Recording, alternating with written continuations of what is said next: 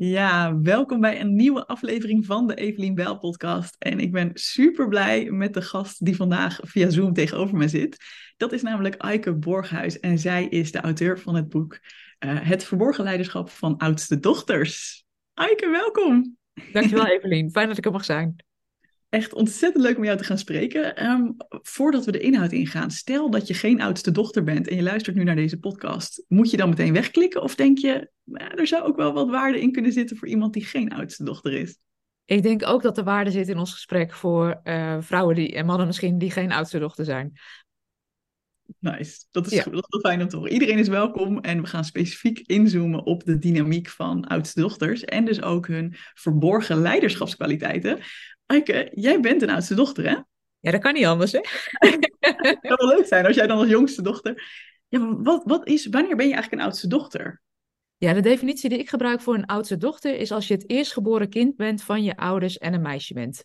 Ja, dus ik mag ook mijn hand opsteken, want dat geldt voor mij ook. Ja, ja en wat je soms wel ziet is dat um, uh, vrouwen die een broer boven zich hebben, die herkennen vaak ook wel veel in um, wat oudste dochters beschrijven. Maar er zit verschil in. Dus ik noem dat ook wel een functionele oudste dochter. Wat je ziet met die vrouwen is dat ze niet altijd uh, uh, aan het pionieren zijn geweest of voor het eerst dingen hebben gedaan. Dat ze bijvoorbeeld al hebben gezien hoe dat gaat met een broer die naar school gaat. Maar wat je ziet is dat deze vrouwen soms wel worden uitgenodigd op kwaliteiten die we zien als typisch vrouwelijk. Hmm. Ja, dus verwachtingen van hoe je als meisje of als vrouw zou moeten zijn. Dus, dus soms zeggen uh, functionele oudste dochters, zo noem ik ze, ook wel van ja, ik herken heel veel en toch zitten er ook wel nuanceverschillen in.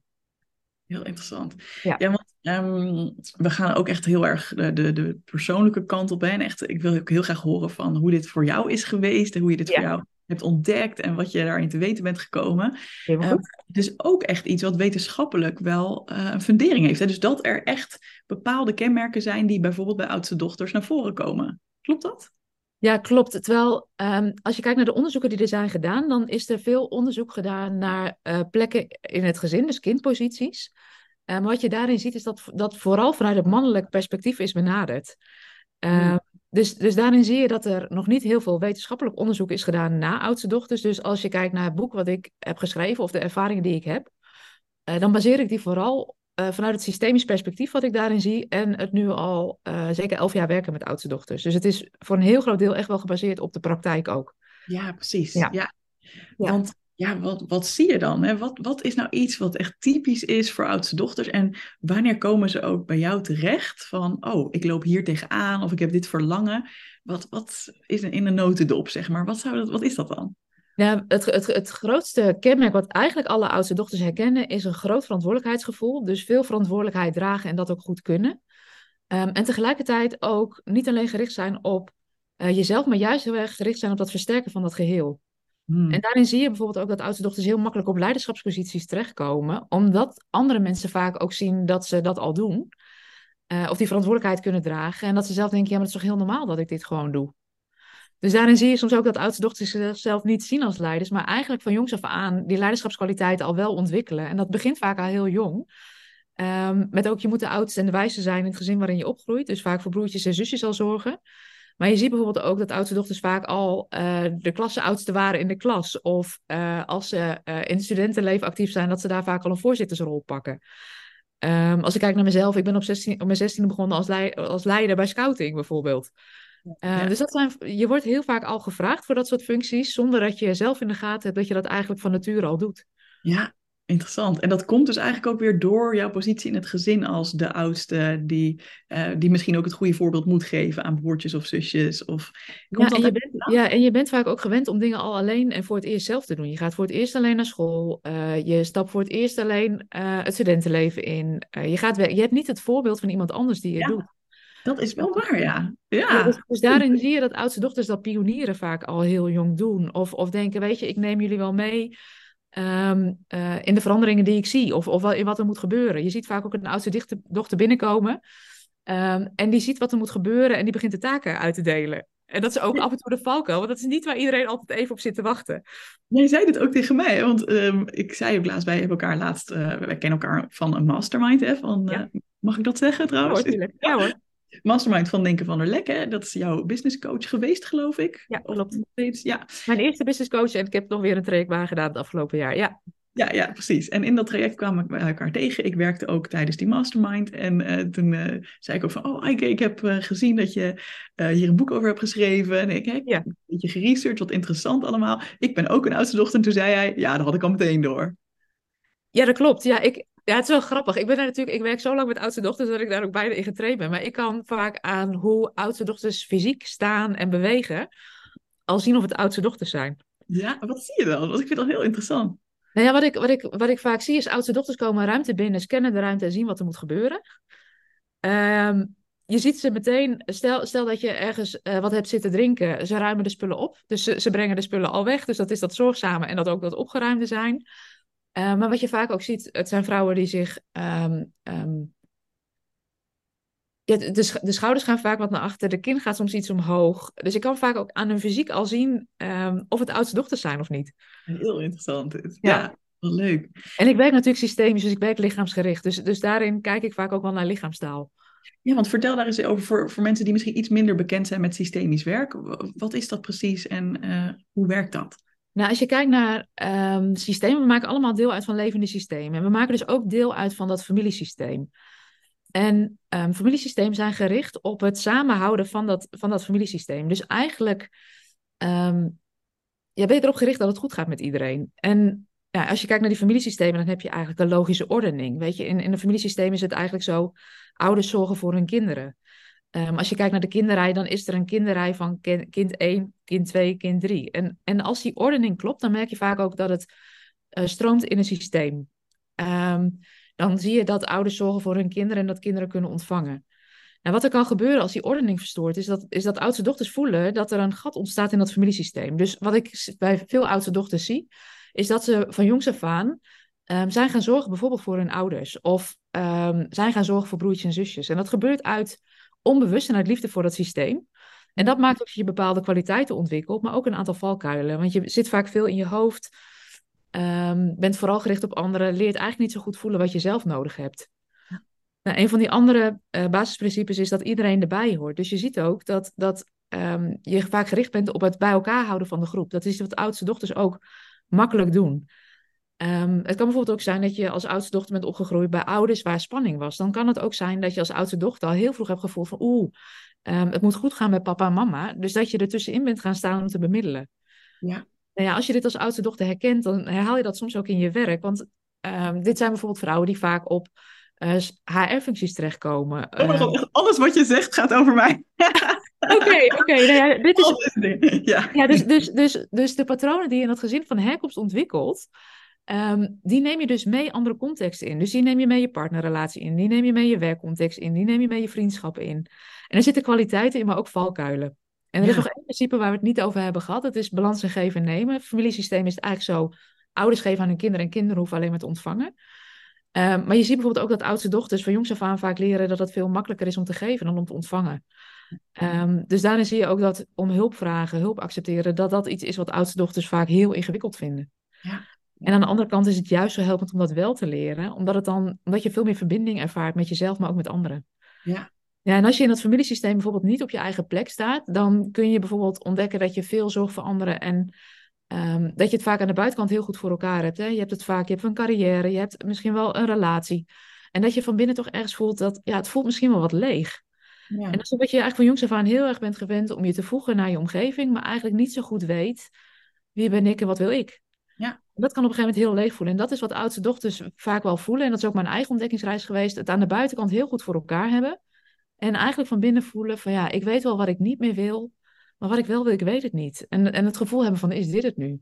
Ja. Dat is vaak het moment dat oudste dochters bij mij terechtkomen. En, en zeggen van ja, weet je, ik heb het best heel goed voor elkaar. En toch voel ik dat er iets ontbreekt. Of dat het wel heel serieus is. Of dat ik heel hard werk. En dat ik ja, dat verlangen naar je vrije voelen. En, en je eigen keuzes maken, meer plezier maken. Dat is vaak dat verlangen wat oudste dochters hebben. Ja. Daar help ik ze bij.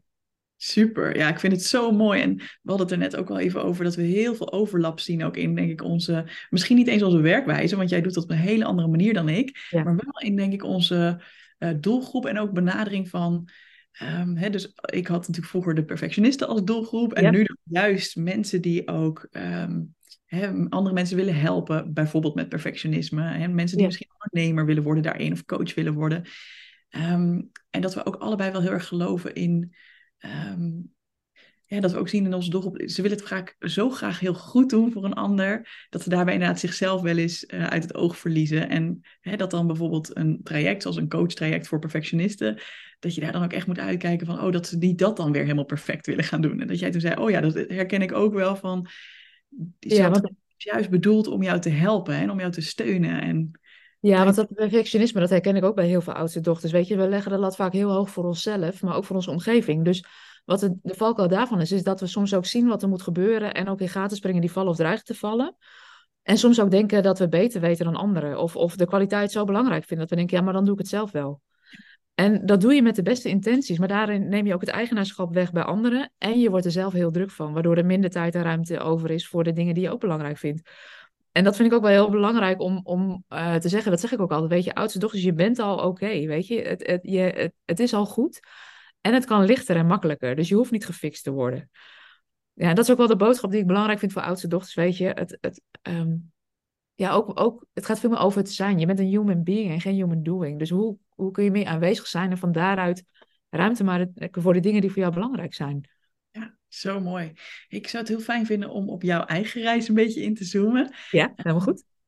Wanneer uh, kreeg jij zelf door dat jij misschien ook wel last had van deze dynamiek? Zeg maar, was dat, heb jij dit al doorgehad voordat jij zelf met oudste dochters ging werken? Of ja, hoe, hoe is dat gegaan, zeg maar, bij jou? Ja, ik, ik zal even meenemen. Mijn eigen reis is misschien ook wel, wel bijzonder om te ontdekken. Want nou ja, ik heb het thema oudste dochters niet gekozen, ze kozen mij. Dus misschien is dat oh ook wel mooi om dat mee te nemen in het verhaal. Nou, als ik kijk naar mezelf, ik ben in 2008 ben ik vastgelopen. Um, had het aan de buitenkant prima voor elkaar. Carrière, leuke man, gezonde kinderen. Um, en toch was ik niet gelukkig. Dus ik kwam op een gegeven moment op mijn werk en ik kon alleen maar brullen. En toen dacht ik, oh, dit is niet oké. Okay. Huilen, hè? Huilen, denk ik. Huilen, ja. Ik moest, kon alleen maar huilen. Ik, nou, wat er gebeurde is, ik, um, ik had ochtends mijn dochter uit bed gehaald en ze had verhoging. En, en ik dacht, ja, ik heb een hele belangrijke vergadering op mijn werk. Dus ze moet wel naar het kinderdagverblijf. Dus ik had een receptpil gegeven. En dat voelde ergens al niet helemaal oké. dus ik voelde af, nou, eigenlijk wil ik gewoon thuis zijn. Maar ja, mijn verantwoordelijkheidsgevoel, ik moet toch naar het werk. Dus ik fietste uh, met mijn kinderen naar het werk, kindje voorop, dochter achterop. En ik kwam bij het kinderdagverblijf, ik had mijn jongste dochter aan de leidster gegeven. En ik wilde mijn, mijn oudste ook, ook geven aan de leidster. En zij klampte zich helemaal vast aan mijn, nek, aan mijn nek en ze zei, mama, ik ben jou blijven. En ik dacht, ja, maar ik moet nu wel weg, want ik moet op tijd naar die vergadering. Want die begint om half negen. En, en ergens wist ik al, ja, ik ben laat. Dus ik had die armpjes losgepeuterd en haar aan die lijst gegeven. Ik zeg, ja, tot vanmiddag. En zij moest huilen en ik liep weg en de traan liep op mijn wang. En ik denk, ja, waar ben ik eigenlijk mee bezig? Dus ik kwam aan op mijn werk, uh, fiets weggezet en ik kwam binnen en ik zag die vergadering. Ik denk, oh, die deur zit al dicht. Dus ik, ik heb die deur opengemaakt, mijn zachtjes naar binnen gelopen. En ik dacht, ik ga heel stilletjes zitten. En zei de directeur tegen mij, zo, ik ben je eindelijk nou ja, en op dat moment brak ik en ik kon alleen maar brullen en ik draaide me om en ik ben die vergadering weer uitgelopen. En nou, op de wc, ik dacht, nou, oké, okay, me weer herpakken. Ja, dat ging gewoon niet. En toen zag de secretaresse van de afdeling, die zag mij lopen, die zei, kom eens even met me mee. Dus die heeft mij in een vergaderhok gepland, um, is met me in gesprek gegaan en zij zegt, jij gaat nu gewoon naar huis. En toen zat ik daar thuis in, in het huis, want ik denk, ja, weet je, het gaat gewoon niet. En toen zat ik op die bank en ik dacht, ja, nou zit ik hier in een leeg huis voelde me schuldig naar mijn kinderen. Want ik dacht, ja, zij zit op het kinderdagverblijf en ik zit in, in, in ja, thuis. Um, ik voelde me schuldig naar mijn collega's, want ik, we zaten met een deadline en ik liet ze zitten. Uh, en ik dacht, ja, ik kan toch niet thuis zitten, want ik, ik word gewoon betaald. Ik moet gewoon aan het werk. Ja, en toen dacht ik, waar ben ik mee bezig? En dit was niet de eerste keer dat dat gebeurde. Het was iedere keer zo'n patroon dat ik te hard werkte, vastliep, uh, mijn schouders er weer onder zette, van een paar dagen mezelf de tijd gaan moeten herstellen. Maar het was een patroon waarin ik bleef vastlopen. Dus ik dacht, ja, dit werkt niet meer. Ik moet iets anders gaan doen. En toen dacht ik nog, ja, weet je, dit ga ik, dit ga ik gewoon fixen. Dus uh, schouders eronder en ik ben de maandag gewoon weer. En toen kreeg ik een coach toegewezen vanuit het werk. En ze vroegen mij, ja, waar word je blij van? Toen dacht ik, ja, echt geen flauw idee. Wat geeft je energie? Uh, geen flauw idee. En toen dacht ik wel, ja, weet je, als, als ik het anders wil, dan zal ik het anders moeten doen. En dat is voor mij het moment geweest dat ik een besluit heb genomen dit is mijn leven en ik ga het anders doen. En hoe dat eruit gaat zien, weet ik nog niet. Uh, maar ik ga het ontdekken. En dat was ook de eerste keer dat ik mezelf de toestemming heb gegeven om het te ontdekken. Want daarvoor was ik steeds op zoek. En dan zoek je eigenlijk iets naar buiten jezelf, wat buiten jezelf ligt. En toen dacht ik, ja, maar daar ligt het antwoord niet meer. Ik zal naar binnen moeten. Hmm. En dat is voor mij het begin geweest van een zoektocht. En daarin ben ik in aanraking gekomen met opstellingen werken. Toen dacht ik, wat een vage doe. Dus ik heb ook twee jaar gedacht, nou, daar wil ik echt helemaal niks mee. En, en zo'n toneelstukje moet daar gaan helpen. Uh, no way. En, en ik vond het heel eng en spannend. Ja, want voor mensen die misschien nog niet helemaal weten een opstelling, dan zet je dus mensen in een ruimte neer hè, en dan iedereen representeert iets, hè? Ja, dus wat er eigenlijk gebeurt is dat je mensen vraagt van, goh, wil jij staan voor mij? Wil je staan voor mijn vader, voor mijn moeder?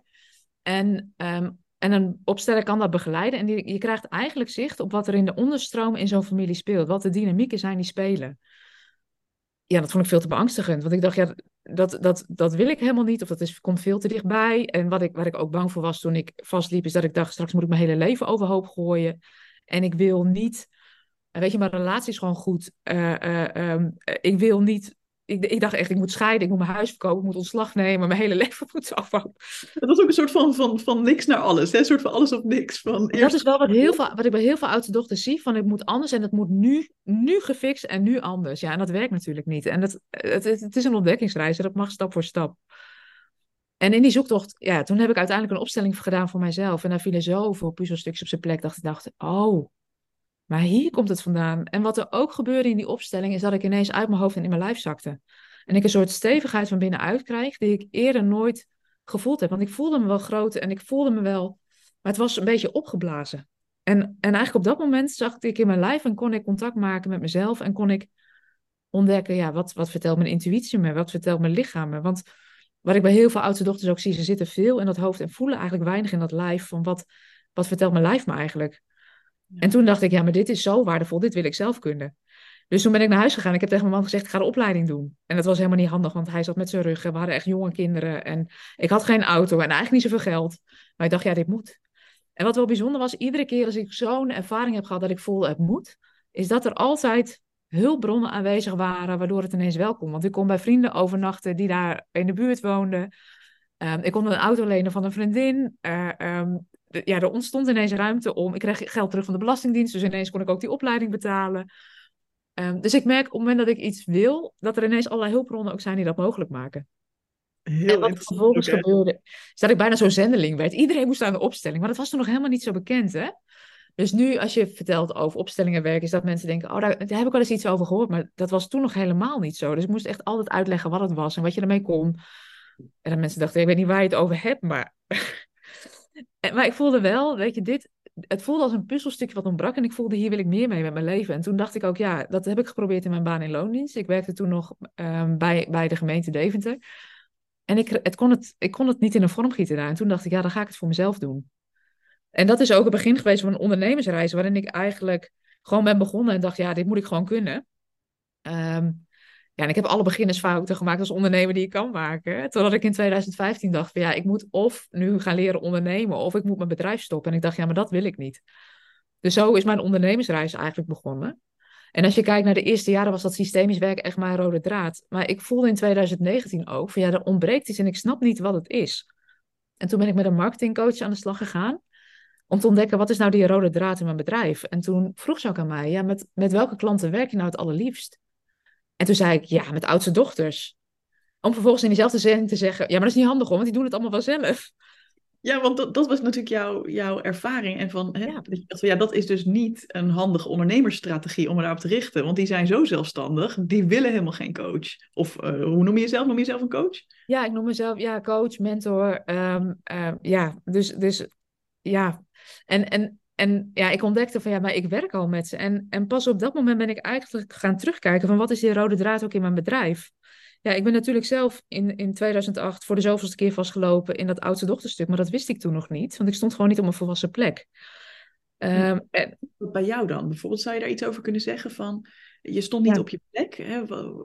Ja, als je kijkt, als je kijkt naar die, die basisprincipes, die ordening, die, die binding en die balans geven nemen, wat ik onbewust heel jong ben gaan doen, is dat ik me groter ben gaan maken dan mijn ouders.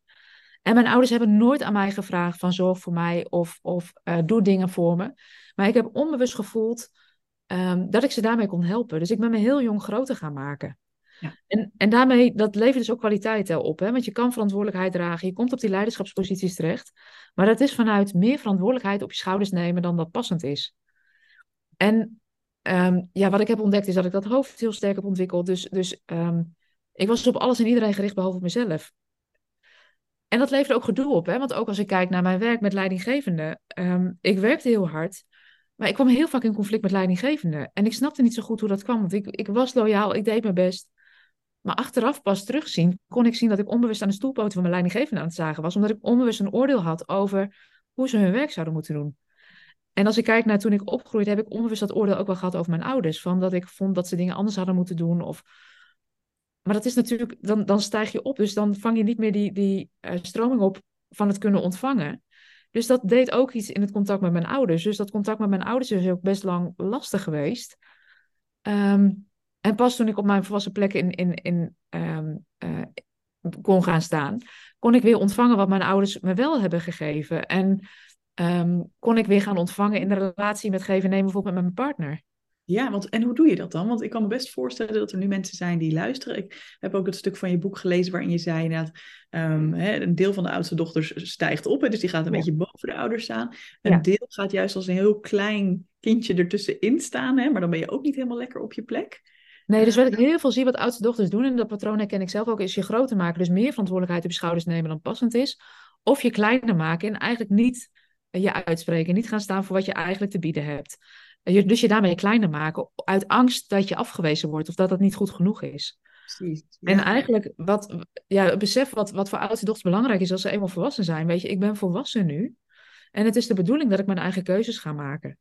Maar wat daar vaak bij komt, is, is een schuldgevoel. En oudste dochters vinden het vaak heel lastig om zich schuldig te maken. Maar dat is de bedoeling, want als je je schuldig maakt, dan, dan word je ontrouw aan het gezin van herkomst. En dat betekent eigenlijk dat je volwassen bent en dus je eigen keuzes gaat maken. En als je dat... Oh, interessant wat je zegt, want dit is precies iets wat ik bij veel perfectionisten zie. Van, ja. oh nee, maar ik, ik ga maar niet dat nieuwe gedrag vertonen. Hè? Dus bijvoorbeeld ja. relaxter zijn, meer ruimte voor mezelf nemen, meer uitspreken wat ik wil, grenzen aangeven. Want ik voel me er zo schuldig bij. Dus dan gaan ze maar weer terug in het oude gedrag. Terwijl ik altijd denk, nee, dat is een heel goed teken. Schuldgevoel betekent dat je iets anders aan het doen bent dan je hiervoor deed. Ja. En jij nu eigenlijk ook weer, hè? Ja, maar je wordt tegelijkertijd ook ontrouw aan het gezin waarin je bent opgegroeid. Als je de dingen anders gaat doen dan dat je het geleerd hebt. En, je, en het, de behoefte als je nog in de kindplek zit bijvoorbeeld, is dat je erbij wil blijven horen. Ja. En vroeger was dat ook nodig, hè? want je had je gezin had je nodig om te kunnen overleven. Maar als je volwassen bent, ja, maar helemaal als je volwassen bent, dan is het juist nodig dat je die eigen plek gaat innemen, omdat je daarmee ook, um, helemaal als je ook, ook moeder wordt, uh, ook de moeder kan zijn voor de kinderen die ze eigenlijk nodig hebben. Maar ook je vrije voelt om keuzes te maken in je werk of in je ondernemerschap. Hoe heb jij dat gedaan? Want uh, je zegt van, pas toen ik mijn, hè, de, de juiste plek zeg maar ging innemen, de kloppende plek, toen ging het weer stromen op allerlei gebieden. Dus ik ben ook heel benieuwd zo hoe dat is. Maar hoe doe je dat dan? Ja, voor mij is het iedere keer besef, ik ben volwassen nu. Dus die helpt. En aanwezig zijn in mijn lijf. Want als ik aanwezig ben in mijn lijf, kan ik vertrouwen op mijn intuïtie en op die, en op die innerlijke stem die me eigenlijk ook de weg wijst. Ehm, en herkennen wanneer ik eruit schiet. En je kunt het vaak fysiek herkennen wanneer ik eruit schiet. Ik kan het herkennen als ik heel hard begin te werken. Als ik denk, oh ja, ik ben heel druk, schouders eronder en gaan. Dan zit ik vaak ehm, in die bovenpositie. Dan gaat mijn kin ook wat omhoog, mijn schouders gaan wat naar achter. En mijn ademhaling schiet omhoog. Dus zo kan ik het herkennen bij mezelf. Ja. Um, dus op het moment dat dat gebeurt, weet ik inmiddels, oh wacht, daar ga ik. En omdat ik dat weet, betekent dat ik, dat ik afstand kan nemen, weer contact kan maken met mezelf, vertraag. En weer uit kan zoomen en eigenlijk mezelf de vraag stellen: oké, wat wil ik eigenlijk? Wat, ja, wat wil ik? Weer terug naar jezelf. En ik vind het heel mooi wat je zegt ook van uh, weer contact maken met mijn lijf. En ik weet ook dat er heel veel mensen zijn die dat ook super ingewikkeld vinden. En ja. van, hoe doe ik dat dan? Want als je zo'n goed hoofd hebt, zo'n goed ontwikkeld hoofd. Ik heb dat ook jarenlang gehad. Ik dacht, nou, ik, ik heb helemaal geen lichaam, weet je wel. Gewoon, kunnen mensen wel zeggen, voel even in je buik wat je voelt. Maar dan, dat is dan heel ongrijpbaar. Maar je noemt al wel wat ingrediënten, hè? Van een beetje vertragen, zeg je? Ja, en ademhaling is essentieel. Dus, dus ik zeg ook tegen oudste dochters, je eigen plek innemen is eigenlijk niet zo ingewikkeld. Hmm. Het is eigenlijk heel simpel, maar niet eenvoudig. ja, dus het gaat heel erg over ademhalen. Kun je je ademhaling weer naar die buik brengen? Hmm. En ik merk het ook in gesprek, dan ik, word ik ook enthousiast, weet je, dan schiet ik ook in mijn hoofd. En nu voel ik weer, oké, even terug naar mezelf.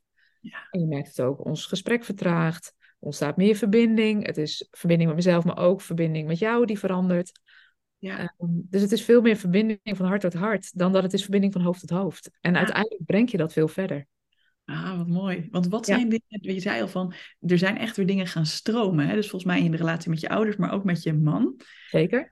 ja, want ik heb, ik heb moeten leren in de relatie met mijn man. Weet je, ehm, mijn man en ik zijn allebei oudste kinderen. Dus wij zijn allebei zelfstandig en kunnen... Mijn partner ook. Wat grappig dit weer. Ja. Ja, en, en daarin zie je ook vaak, weet je, oh, dat geldt voor ons allemaal. We klikken in elkaar vanuit de patronen die we uit het gezin van herkomst vaak uh, hebben geleerd. Hè? Dus je ziet soms ook, als je als oudste dochter makkelijk bent gaan zorgen voor anderen, is dat je soms een relatie uh, start met een jongste zoon. Als je, zie je ook veel gebeuren. Uh, je ziet ook, weet je, oudste kinderen trekken elkaar aan, want die, weet je, allebei verantwoordelijk, zelfstandig. maar de valkuil daarvan kan ook zijn, weet je, van heb je elkaar dan ook nodig? Of waar vind je de verbinding? Want je kan het ook zelf. Um, maar juist in die verbinding met je partner is het zo waardevol als, als je kan geven en ontvangen. Oh, dus eh, kun je een voorbeeld geven van iets wat je vroeger misschien dan dacht van nou, dat doe ik zelf wel. En wat je dan later meer hebt kunnen ontvangen van jouw man? Nou ja, het was bijvoorbeeld um, uh, toen ik een nieuwe plek moest met mijn werk, is dat op een gegeven moment um, dat ik.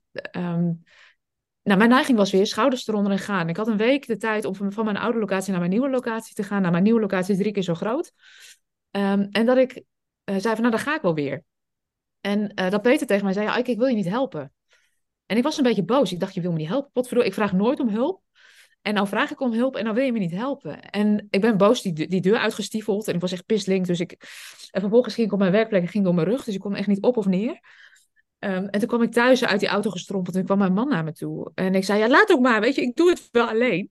En toen zei hij, oké, het is niet dat ik je niet wil helpen, maar volgens mij moeten we een plan maken over hoe we dit gaan doen. Want ja, het is te veel. Voor jou, voor mij. We moeten nu andere mensen gaan inschakelen die ons gaan helpen. Dus, um, en ik had al ingevuld, ja, zie je wel, ik moet het weer alleen doen. Uh, terwijl zijn intentie was, laten we eens kijken wat er nou eigenlijk nodig is om te zorgen dat je over een week gewoon op die plek zit en dat alles geregeld is. Dus zo zag je even dat ik in dat oude patroon schreef, zie je wel, dan doe ik het wel weer alleen. Terwijl mijn man eigenlijk zei, het is niet dat ik je niet wil helpen, maar ik wil samen met jou een plan maken over wat nu echt helpt. In plaats van dat wij er maar met z'n tweeën tegenaan gaan beuken tegen beter weten in. Ja, want dat is wat we kennen. Dat hebben we altijd zo gedaan. Zo hebben we onze huizen verbouwd. Zo hebben we andere dingen voor elkaar gekregen. Dus, dus dat beuken, dat heeft heel veel opgeleverd. Maar het kan ook zachter. En het kan ook op een andere manier. Ja, dus Peter kan maar ook spiegelen. Zo van, ja, Eike, daar ga je weer, weet je. Uh, je schiet weer in het harde werken. Uh, wat heb je nodig om nu te vertragen? En in het begin vond ik dat helemaal niet leuk. Maar inmiddels weet ik dat hij dat doet om me te helpen om me af te remmen, ook weer in contact te komen met mezelf en te kijken, oké, hoe gaan we dit op een ontspannen manier oplossen?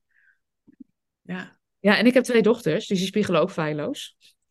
dus het was ook wel mooi. Een tijdje, ik was van de week was ik bij mijn man aan het wandelen en uh, uh, ja, en het is best een hectische tijd geweest. Dus op een gegeven moment waren we aan het wandelen, zei hij tegen mij, ja, weet je, Eike, er is laatst een boek geschreven door zo'n oudste dochter. En het stond volgens mij vol waardevolle tips. Misschien zou je een boek eens moeten lezen. Nou, weet je, en dan, dan is het wel een grap en een grol, maar dan denk ik, oh ja. Ja. Dat is wel terecht, ja. ja. dat vind ik weer in mijn eigen valkuil. En ik kan het van hem inmiddels hebben dat hij me spiegelt en dat hij naast me staat en me helpt. Uh, maar dat is anders dan toen ik nog in dat oude stuk zat en dacht dat ik het allemaal alleen moest doen. Ja, en, en zag je dan vroeger misschien ook meer als kritiek van, oh, dus dit doe ik ook weer niet goed? Want zo ja, zeker. Ja. Als mensen dingen zeiden, dan bedoelden ze het eigenlijk goed vanuit, hé, hey, liever moet je niet een beetje ontspannen. Dan dacht ik, maar oh, dus ik, het is ook nog eens een keer niet goed. Ik mag niet gestrest zijn. Weet je wel? Ja, ja zeker. En, en inmiddels kan ik zien dat het vanuit de beste plek komt. Maar wat ik ook zie, is in het begin... Um, onze communicatie is inmiddels gelijkwaardig. We komen allebei vanuit die volwassen plek. Dus we kunnen oordeelloos aan elkaar teruggeven wat we zien bij elkaar. Um, en, en doordat het oordeelloos is, um, ja, verandert de communicatie ook. Want het is niet dat hij komt of vanuit die oude positie en kritisch is, of dat we met elkaar in die drama-driehoek terechtkomen. Hè? met de aanklager, de redder en het slachtoffer. Dus daar zijn we inmiddels uit. Of we herkennen wanneer we erin stappen. Uh, en kunnen elkaar dan zeggen van, oh ja, weet je, um, dit is niet helpend, wat helpt nu wel? Ja, mooi. Ja. Ik dus uh, switchen naar het leiderschapstukje, hè? want je boek heet niet voor niks het verborgen leiderschap van oudste dochters. Ja. En ik vond het zo mooi, want ik las ook uh, in jouw boek uh, iets wat ik ook wederom helemaal zelf herken. En dat is dat oudste dochters vaak helemaal niet aan zichzelf denken als goede leider. Maar dat er dan toch onbewust allerlei mensen, ja, dat ze toch vaak op die posities terechtkomen. Wat jij net ook al zei. Hoe komt het, denk je, dat wij als oudste dochters dat, dat niet zo herkennen in onszelf? Of hoe zit dat bij jou? Of hoe zat dat bij jou? Ja, als ik kijk naar mezelf, ik heb als ik kijk, ik ben op mijn zestiende uh, begonnen als leider bij de scouting. Ik had op mijn 22e mijn eerste leidinggevende baan met een groep mannen en vrouwen die qua leeftijd mijn ouders hadden kunnen zijn. Dus eigenlijk, wat je ziet bij heel veel oudste dochters, is dat we heel jong op die plekken terechtkomen, omdat anderen die leiderschapskwaliteit in ons zien. Want die verantwoordelijkheid kunnen we dragen. We zijn gericht op dat versterken van het geheel. Maar wat ik bij mezelf heb ontdekt en wat ik ook heel veel zie bij oudste dochters, is dat we een bepaald beeld hebben over leiderschap. En dat is, als je kijkt naar, terwijl wij opgroeiden, dan groeiden we toch op met het beeld witte man, uh, inpak, gebaseerd op macht. En wat je bij heel veel oude dochters ziet, is dat we zeggen, ja, maar zo wil ik het niet. En wat voor mij een enorme eye-opener was, was toen ik de definitie van leiderschap van Brene Brown uh, ontdekte. En wat zij zegt, het leiderschap is de verantwoordelijkheid nemen om het potentieel te zien in mensen en ideeën. En de moed en het lef hebben om dat potentieel te ontwikkelen. Oeh, ik ga dit even herhalen hoor, want je viel, je viel een klein beetje weg. Dus laten we hem even herhalen. Dus leiderschap is de moed hebben. Ja, de definitie, ja, de, de definitie van leiderschap van, van Brené Brown is leiderschap is de verantwoordelijkheid nemen om het potentieel te zien in mensen en ideeën. En de lef en de moed hebben om dat potentieel te ontwikkelen. Mm. Ik krijg helemaal kippenvel hiervan. Ja, en, en, en toen dacht ik, ja, maar als dit de definitie is van een leider, dan doe ik dat al. En dat maakte voor mij leiderschap klein. Dus het gaat over leiderschap nemen over je eigen leven, ehm, maar ook het leiderschap nemen in je werk. En ik merk bij mezelf dat nu ik mezelf ben gaan zien als een leider en ook mezelf ben gaan zien als een lerende leider, want dat betekent ook dat ik mezelf nog mag ontwikkelen, dat ik daarin zelf nog mag groeien, uh, dat ik mijn leiderschap ben gaan omarmen en dat ik merk dat in dat omarmen dat ik soms net een stapje voorloop op de oudste dochters met wie ik werk. Dus ik zeg ook, ik ben zelf ook nog aan het leren. Ik ben niet die, die alwetende leider of die, die, het, die het al weet. Ehm, maar dit is wat voor mij werkt en, en ontdek daarin wat voor jou werkt. Ja. ja, en dan kun je dus met elkaar groeien en ontwikkelen. En, en dat maakt dus ook dat ik mijn perfectionisme los kan laten. Want dat betekent dat ik het niet allemaal hoef te weten. Maar dat ik, het, dat ik, dat ik open en kwetsbaar mag zijn in wat ik ontdek en de valkuilen waar ik nog instap. Want dat gebeurt nog steeds. Maar dat ik veel eerder herken wanneer ik instap en daaruit kan stappen. En wat ik voel met dat verborgen leiderschap is, is als je kijkt naar wat er nu gebeurt in de wereld, is dat ik denk dat het verbinden van vrouwen, het gericht zijn op het versterken van het geheel, uh, dat dat nu heel hard nodig is. Dus dat ik daarom ook oudste dochters en vrouwen in het algemeen, maar ook mannen wil uitnodigen, omarm dat verborgen leiderschap in jezelf. En ga het maar doen. In het klein, in je, in je eigen leefwereld, in je eigen omgeving, maar ook in je werk. Ja, Oh, ik vind het heel mooi. En ik voel hier ook heel erg bij dat ehm, de, de doelgroep die ik zelf nu help, hè, dus dat zijn mensen die graag willen coachen of al coachen, of in ieder geval iets doen. Uh, of dat nou als ondernemer is, dat het meeste, het grootste deel wil dat misschien als ondernemer doen, maar een deel ook helemaal gewoon in een organisatie. Maar er zit iets in van iets voor een ander willen betekenen door middel van bijvoorbeeld coaching of mensen helpen naar zelfacceptatie. Eigenlijk sluit dat heel mooi aan op wat jij hier zegt van het potentieel in anderen zien en het potentieel in een idee zien en ehm, daar ook voor durven te gaan. Hè? En dat, dat is denk ik ook wat ik zo graag met deze podcast wil bereiken van als jij nu zo iemand bent die voelt van hey, er moeten dingen anders in de wereld, we zien dat allemaal. Ja. Eh, als jij zo iemand bent die dat voelt, wij willen je denk ik gewoon heel graag uitnodigen. Ga maar, ga dat maar doen. En ook als je nog helemaal klaar bent ervoor. Want wij zijn er ook nooit, nooit helemaal klaar voor geweest, denk ik. Maar nee, en, die, en dat is nog steeds zo. Hè? Want ik denk dat die wel belangrijk is. Want, want ik geloof ook dat, het, dat, er nog, dat er ook iets is wat je roept. Als je in verbinding bent met je lijf, dan voel je... Het kan een frustratie van pijn zijn. Of maar ook een verlangen van, van wat je graag wil zien in de wereld. En wat ik heel lang heb gedacht, ja, het roept me wel, vertrekt wel aan me, maar ik ben nog niet klaar genoeg of niet ver genoeg om dit al te kunnen doen. Terwijl ook als het je roept of aan je trekt, het roept je niet voor niks. Dus, dus ga het ruimte geven. En het is ook de bedoeling uh, dat je nog niet op de plek bent waar, waar je naartoe wil. Want je mag het ook leren onderweg. Dat is de bedoeling. Want als iets je roept, dan is het vaak ook iets wat je zelf nog mag ontwikkelen en, en ontdekken. Wat, ja, iets wat, wat van waarde is voor jou, maar ook waarmee je een positieve bijdrage kan leveren aan de wereld. En dat kan heel klein en heel groot. Dus als je zegt van ik wil dat mensen elkaar zien, wat kun je doen om andere mensen te zien? En dat kan op straat, dat kan achter de kassa, dat weet je, dus, dus soms alleen al even een gesprekje met iemand achter de kassa kan al bijdragen aan de verbinding en elkaar zien en horen. Dus, dus leiderschap zit, ja, je kan het heel groot maken, maar het zit in hele kleine dingen op dagelijkse basis. Ja, en, en misschien ook in eh, het delen van je eigen eerlijke verhaal. Weet je wel? Of dat nou met een persoon in je omgeving is, of dat je het misschien een keer online deelt. Maar daar voel ik ook heel erg bij de mensen die ook in mijn uh, Perfectionisme Coach Academie zitten. Dat, daar zitten zulke mooie mensen in, die zulke mooie transformaties eigenlijk zelf al hebben gemaakt op een gebied in hun leven, hè, qua zelfontwikkeling. En, en die voelen van, oh, ik ben nu ja, ik voel echt dat ik iets ermee wil. Ik wil andere mensen ook hiermee helpen, maar ik ben daar nog niet klaar voor. Dat is eigenlijk een hele grote drempel die ik bij een aantal van hen hoor. Waarvan ik denk, ja, maar al deel je er alleen al over. Je hoeft niet meteen uh, een, een, website en een traject en een ding, maar gewoon al, al, deel je je verhaal. Dat is al heel, heel krachtig. Dat vind ik al een vorm van leiderschap, een vorm van ja. boodschap de wereld inzetten, weet je wel? Ja, en heel erg vanuit welke les heb ik geleerd of hoe werkt het voor mij? Met de intentie van misschien is het ook waardevol voor jou.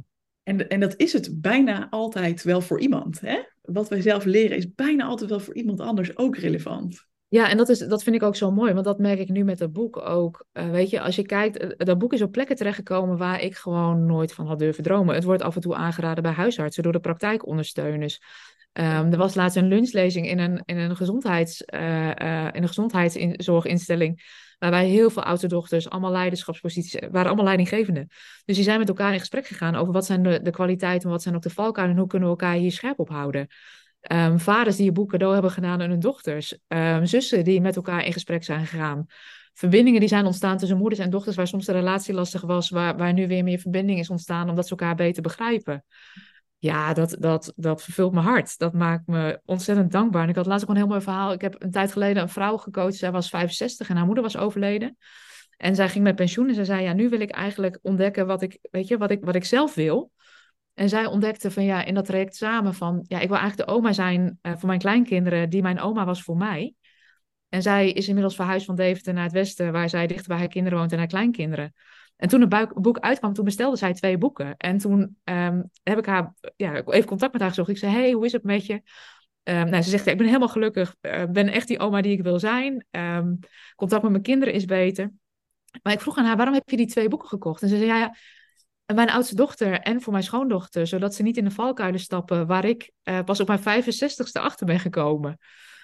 Ja, en dat, weet je, dat, dat, dat raakt me dan zo. Dat ik denk, wauw, dit is ja, met zo'n boek of met het werk wat je doet, de impact die je kan maken op het leven van haar, maar ook op haar kleinkinderen en het effect wat dat heeft op haar omgeving weer. Haar dochter, haar, ja, dat, dat, dat, ja, dat maakt me diep blij en dankbaar ja, ik zit hier gewoon met tranen in mijn ogen als ik dit hoor. Ik vind het zo mooi. Zo bijzonder hoe, dat ik inderdaad ook denk van wauw, wat geweldig dat zij zichzelf het heeft gegund op haar 65ste. Want je zou ook kunnen denken, ja, nou ja, ik ben nou eenmaal op deze leeftijd, laat maar zitten. Maar dat zij ook voelt van, oh, ik gun het aan de volgende generatie om veel eerder dit te voelen en, en zichzelf te mogen ontdekken en uiten al veel eerder dan ik dat heb gedaan. Ja, dat is... ja en het is misschien wel interessant. Mijn oudste klant is 80.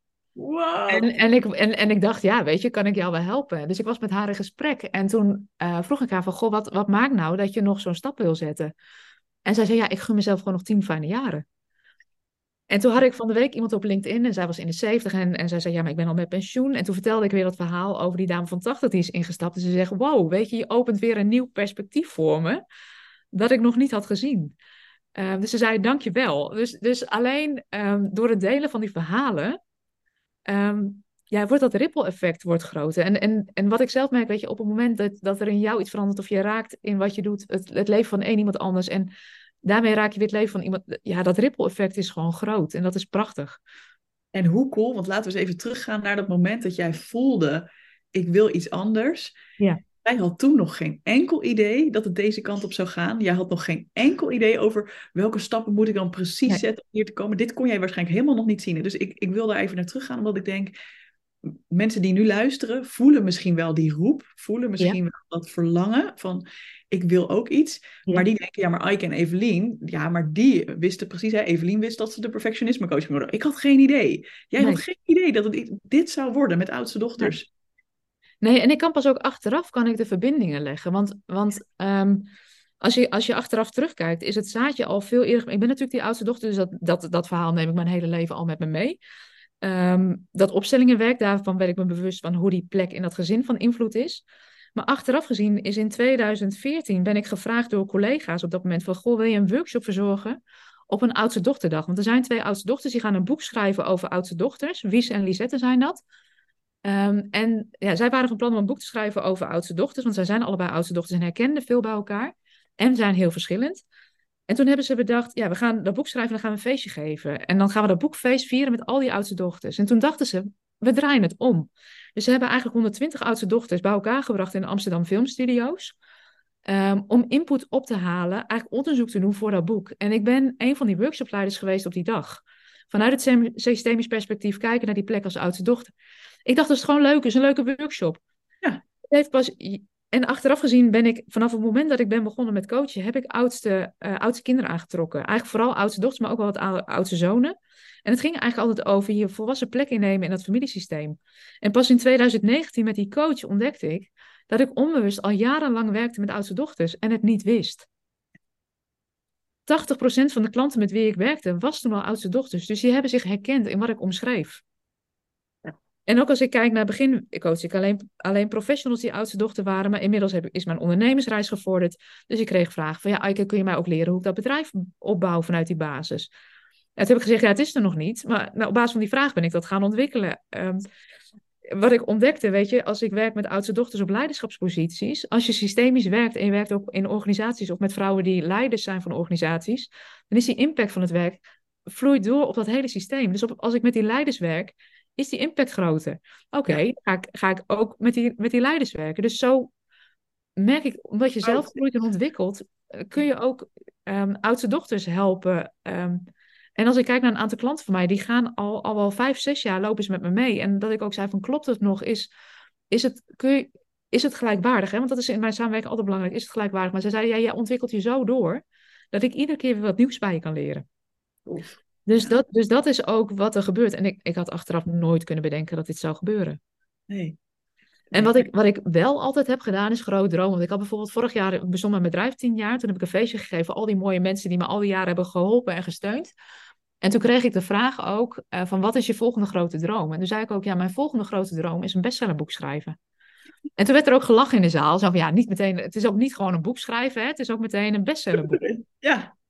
Maar ik, wat ik ook ontdek is, als ik grote dromen heb, dan zet ik ook andere stappen als dat ik klein droom. Want als ik een boek had willen schrijven, dan, dan was ik zelf alleen op mijn zolderkamertje gaan zitten en, en was ik gaan schrijven. Maar ik heb nu wel bedacht, ja, welke mensen heb ik dan nu nodig om te helpen dat die droom te realiseren? Want dat betekent ook dat dat gewoon echt ook een inhoudelijk goed boek moet zijn. Dat ik um, op zoek ben gegaan naar een uitgever die ook managementboeken uitgeeft. Uh, waardoor er een schrijfcoach bij betrokken is geweest, waardoor het beter is geweest. Een vormgever die de koffer heeft gemaakt. Dat betekent ook dat ik ben gaan nadenken over hoe ga ik de marketing doen van dat boek. Maar nu ook nu dat boek er is, hoe kan ik klanten nu ook verder helpen met een vervolgstap zetten als ze dat zouden willen. Dus ja, het grote dromen maakt ook dat je grotere stappen zet. Ja, heel cool. Dus bij deze, als je zoiets voelt, wees ook niet bang om grote dromen. Want ik denk ook dat we ook dat wel spannend kunnen vinden. Zeker vanuit zo'n idee van, maar kan ik dat dan wel? Of ben ik daar dan al? Mag ik dat überhaupt willen? Mag ik dit überhaupt verlangen? Hè? En, en... Ja, en dan zit je vaak weer op dat kleine meisjesstuk. Dus dat, dat is dan van, oeh, weet je, zit de wereld wel mij te wachten? Het kleiner maken. En, en dit vraagt ook een besef van, ik ben volwassen nu. Ik mag ruimte maken voor wat, wat ik voel dat ik de wereld in wil brengen. En wat daarin volgens mij heel belangrijk is, want dat is denk ik wat oudste dochters en perfectionisten met elkaar gemeen hebben, is dat het vaak heel, de, de lat heel hoog leggen. Ehm, en het heel groot maken. Terwijl ik heel erg geloof in kleine stapjes op dagelijkse basis. Want zo'n boek schrijven, iedere dag een bladzijde schrijven. Aan het eind heb je een boek van 365 pagina's. Nou, dat is precies hoe ik het ook heb gedaan met mijn boek. Ik heb het uiteindelijk in twee maanden kunnen schrijven, omdat het eigenlijk, ja, ik deed elke dag gewoon een stukje, weet je wel. Dus dus dat is wel een hele mooie van, hè, ja, neem je verlangen serieus en droom groot. Maar, maar dat, het hoeft niet allemaal heel ingewikkeld en groot te zijn wat jij vandaag gaat doen om daar te komen. Dus je hoeft dat niet jezelf te laten blokkeren. Dat kan met hele kleine stapjes. En je hoeft nu nog niet alle stapjes te kennen ook, hè? Nee, en dat vraagt ook wel, als je het dan hebt over perfectionisme en de lat hoog leggen. Oudste dochters zijn van jongs af aan gewend om het alleen te doen. Um, en dit vraagt ook voor oudste dochters dat ze leren dat, dat het niet alleen hoeft. Ja. Maar dat ze daar ook hulp bij mogen vragen. Dus wat ik ook wel vaak zeg, weet je, je moet het zelf doen, maar je hoeft het echt niet alleen te doen. Precies. En, en ik merk ook, ik had niet kunnen staan waar ik nu sta, als ik niet de hulp had ingeschakeld van mijn man, van de uitgever, van een coach, uh, van mensen die me nu helpen met de vormgeving, van uh, mijn VA die me achter de schermen gewoon fantastisch helpt. Zonder hun had ik dit niet kunnen doen. Dus ik merk ook, je groeit sneller als je het samen doet. Ja, Helemaal eens. Dat heb ik echt moeten leren. Want in het begin deed ik alles alleen. En dat heeft me heel veel tijd, energie, geld, maar ook tranen gekost. Dus dat, uh, het, het kan echt zachter. Ja, precies. Ja. ja. Ik vind dit eigenlijk een hele mooie boodschap om de aflevering mee te eindigen. Wat jij? Of heb je nog nou, iets waar je denkt, dit moet ik nog meedelen? Of dit, dit is er nog belangrijk om te weten? Nee, ja, voor oudste dochters en voor die perfectionisten waar jij ook mee werkt, weet je, je bent genoeg, je doet genoeg. Ja. Ja, en, en laat dat het vertrekpunt zijn um, op het moment dat je voelt dat je iets anders zou willen. Supermooi. Ja. Dank je. Als mensen jouw boek willen bestellen, waar kunnen ze dan naartoe? Ik zal sowieso een link hieronder plaatsen trouwens. Ja, dan kunnen ze makkelijk naar de website www.oudstedochter.com slash boek. En daar vind je alle informatie. Top. Ja. En je hebt volgens mij ook een leuke gratis uh, masterclass die mensen kunnen volgen. Vinden ze die ook op ja. oudstedochters.com? Ja, ja oudstedochter.com slash masterclass. En daarin ga ik wat dieper in op, hey, wat is dat verborgen leiderschap van oudste dochters? Hoe ontstaat het? En wat kun je ermee? Dus um, ja. Heel Dank je wel voor je tijd, Ike. Ik vond het echt een super waardevol gesprek. Een heel mooi gesprek ook. Dus uh, heel fijn dat je hier de tijd voor wilde maken. Dat is wederzijds, Evelien. Dankjewel voor de uitnodiging.